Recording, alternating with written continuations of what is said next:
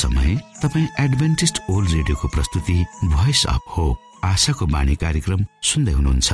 कार्यक्रम प्रस्तुता म रवि यो समय तपाईँको साथमा छु। आशाको बाणी कार्यक्रममा हामी यहाँलाई न्यानो अभिवादन टक्राउन चाहन्छौ। तपाईँको व्यक्तिगत जीवनले परमेश्वरको सत्यता र उहाँको प्रेम अनि मार्गदर्शनका विषयमा चाहिने महत्वपूर्ण कुराहरूलाई प्रष्टसँग बुझ्न सकुन् भन्ने उद्देश्य सहित प्रस्तुत कार्यक्रम आशाको बाणी तपाईँको आफ्नै कार्यक्रम हो। दैनिक यसलाई सुन्नुहोस्। आफ्ना मनमा यदि शङ्का दुविधाहरू छन् र तपाईँ हामीलाई प्रश्न गर्न चाहनुहुन्छ भने हामीसँग तपाईँ सजिलै सम्पर्क गर्न सक्नुहुन्छ। हाम्रो ठेगाना हामी हाम्रो कार्यक्रमको अन्तमा बताउने गर्दछौ।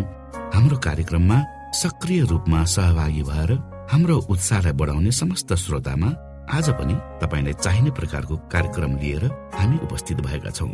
श्रोताको चाहना र श्रोताको व्यक्तिगत जीवनका भलाइका कुराहरूलाई समेटेर प्रस्तुत गरिने यो कार्यक्रम आशाको बाणी तपाईँ सुन्दै आउनु भएको छ र आज पनि हामी त्यही क्रममा छौँ। सुरुमा सुनौ यो मधुर क्रिस्टीय भजन।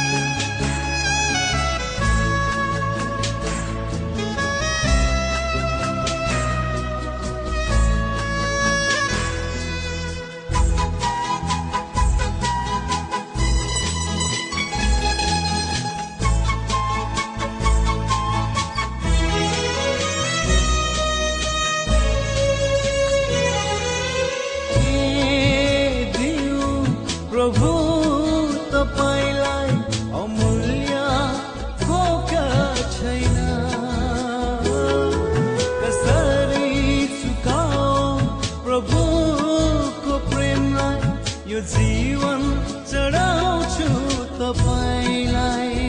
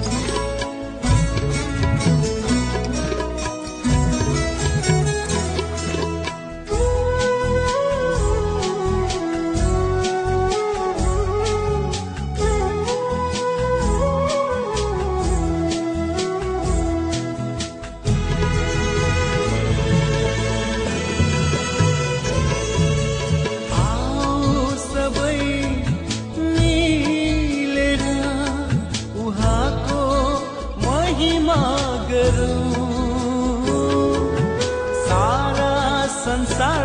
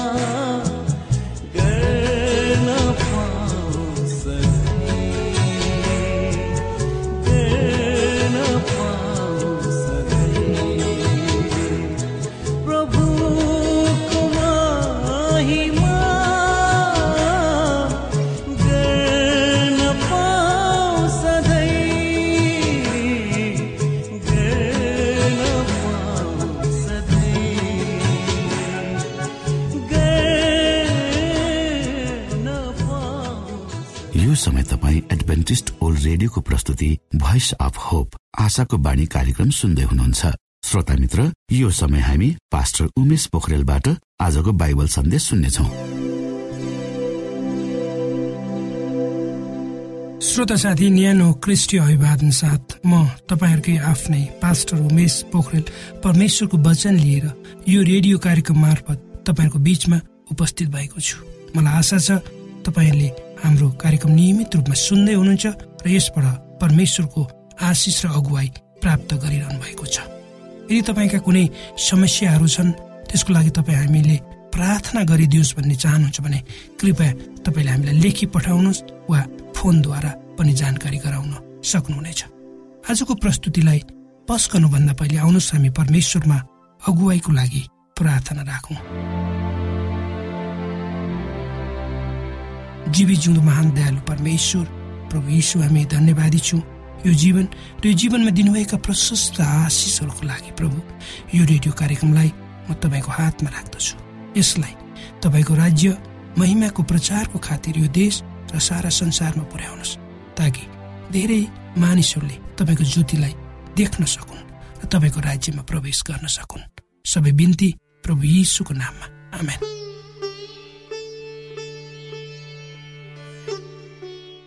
श्रोत साथी यो संसारमा बाँचेका तपाईँ हामी प्रत्येक व्यक्तिले कुनै न कुनै कुरामा विश्वास गरेका हुन्छौँ।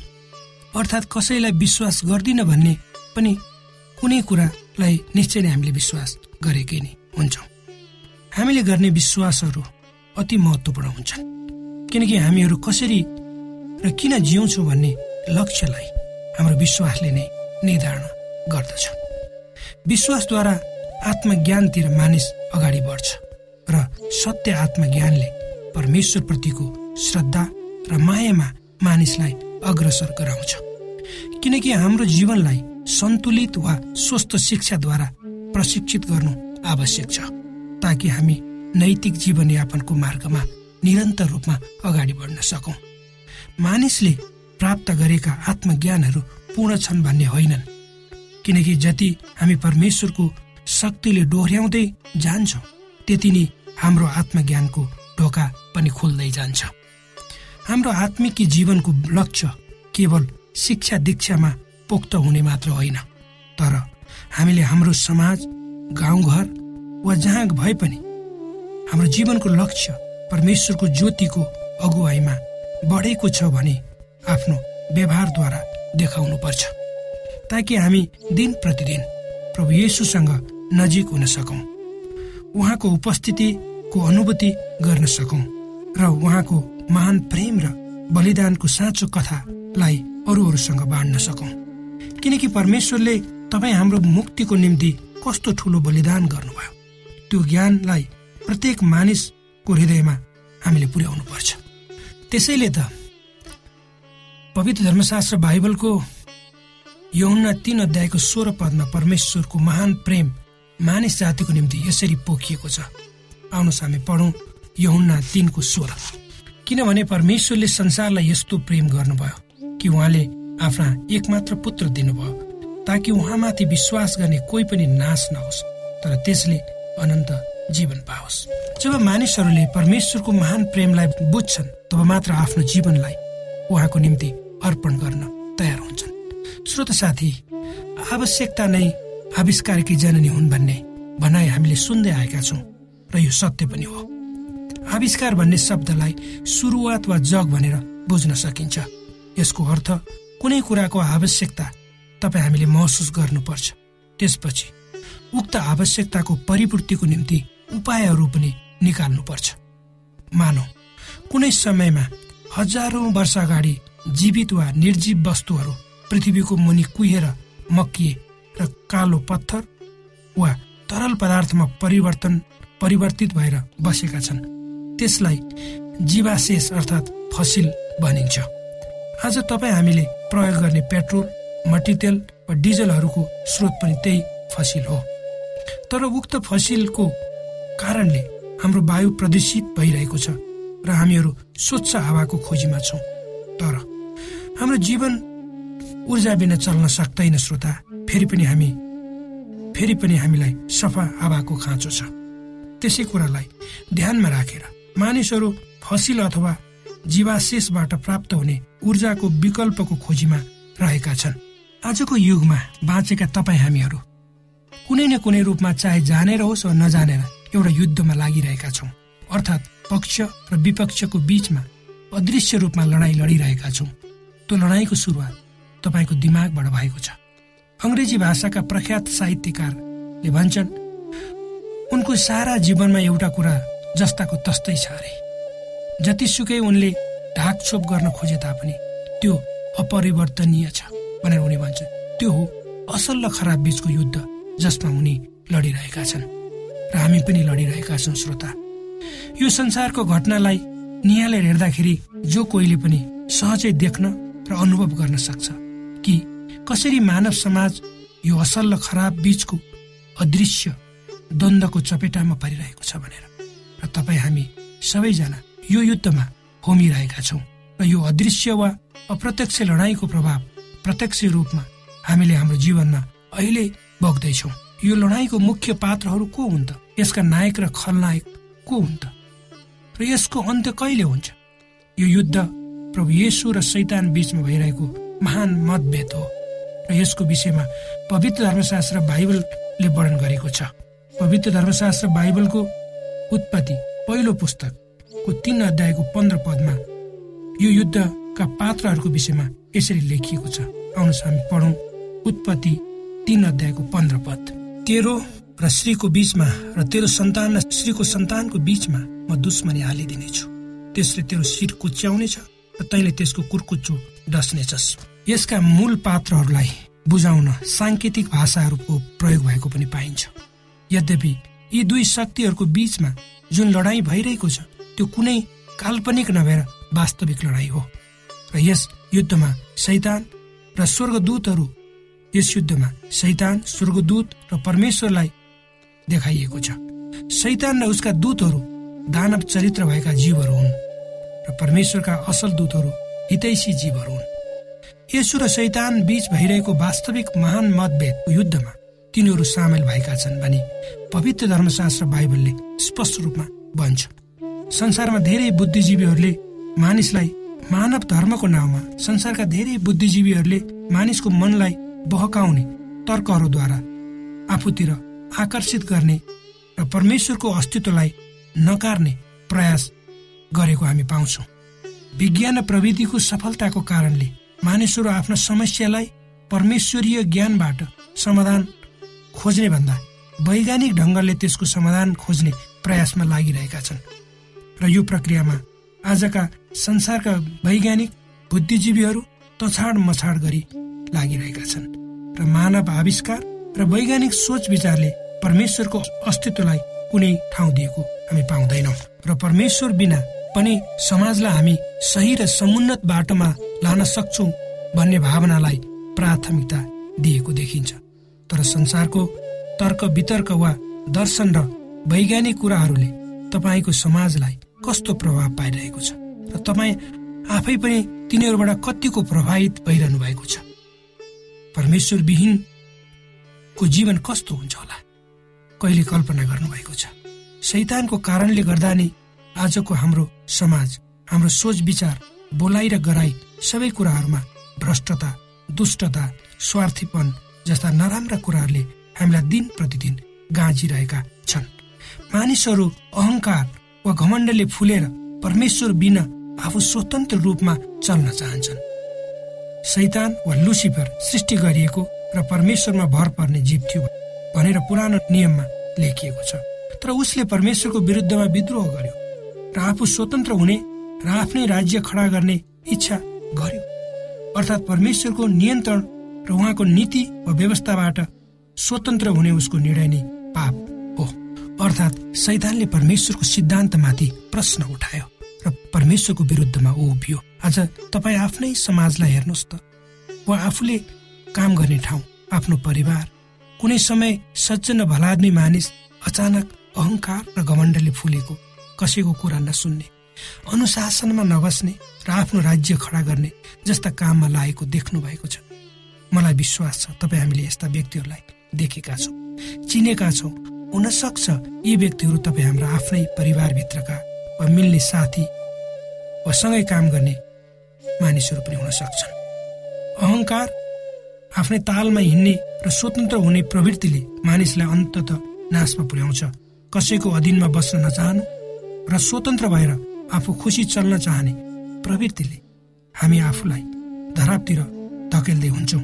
वर्तमानमा वर्तमानमा तपाईँको स्वतन्त्र हुने चाहना आफू खुसी गर्ने विचार र म नै सबै कुरा हो भन्ने घमण्ड के हदसम्म तपाईँको पक्षमा देखिए तापनि अन्तमा त्यो तपाईँको हितमा हुँदैन त्यो तपाईँको लागि घातक हुन जान्छ।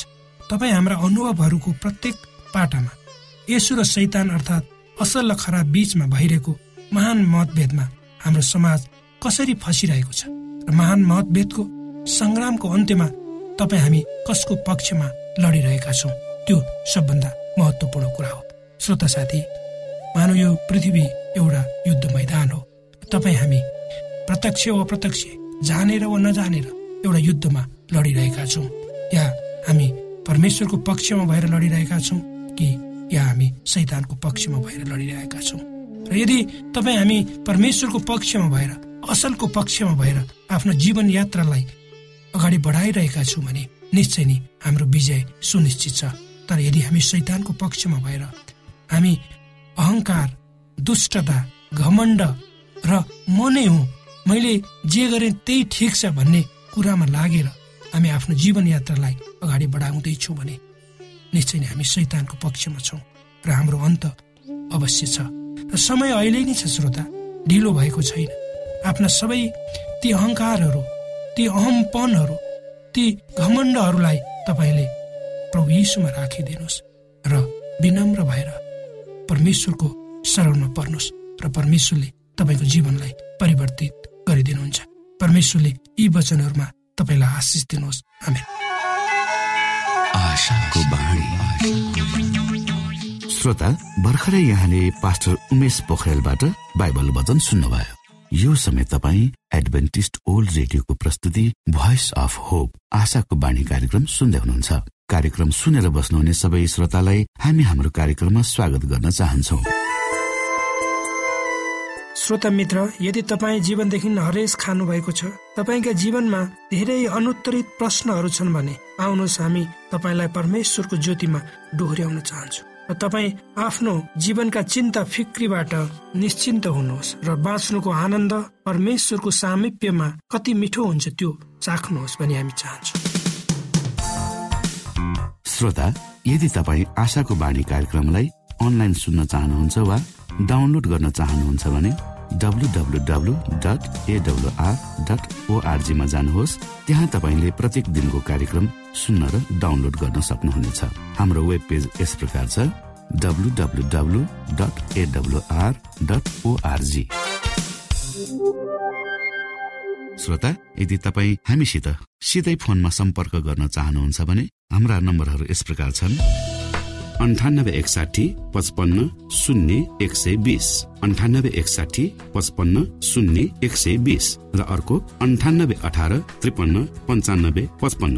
अन्ठानब्बे अठार त्रिपन्न पन्चानब्बे पचपन्न.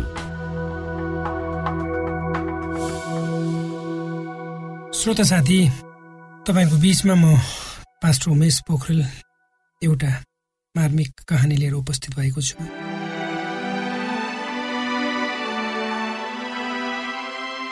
एउटा बाजा बजाउने मानिसलाई एउटा घरबहार विहीन मानिसको अन्तिम संस्कारको समयमा बाजा बजाउन बोलाइयो। र हाम्रो देशमा त होइन विदेशमा मान्छेलाई मान्छेको अन्तिम संस्कार गरिनुभन्दा पहिले भजनहरू गाइने सङ्गीतहरू बजाउने गरिन्छ। उक्त मानिसको कुनै परिवार र आफन्त साथीभाइ कोही पनि थिएन। त्यसकारण उसलाई अनाथहरूको निम्ति छुट्याइएको स्थानमा अन्तिम संस्कार गरे।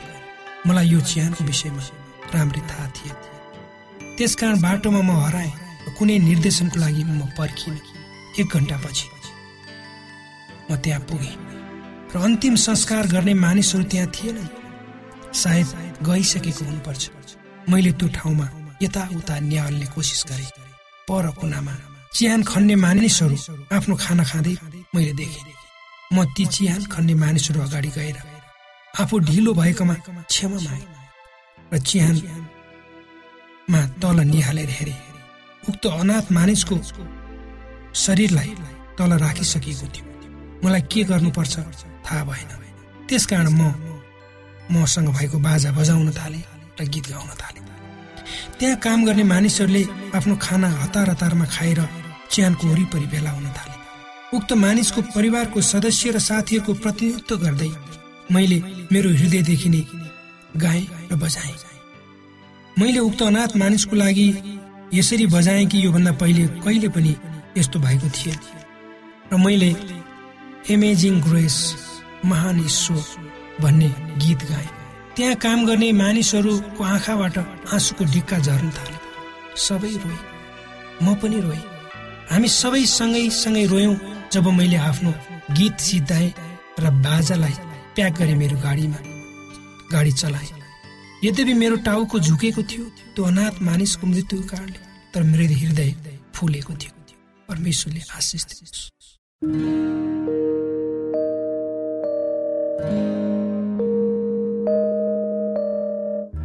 आदरणीय मित्र बाइबलले बताएको छ परमेश्वरले तिर्खाकाहरूलाई तृप्त पार्नुहुन्छ र भोकालाई उत्तम पदार्थले सन्तुष्ट पार्नुहुन्छ।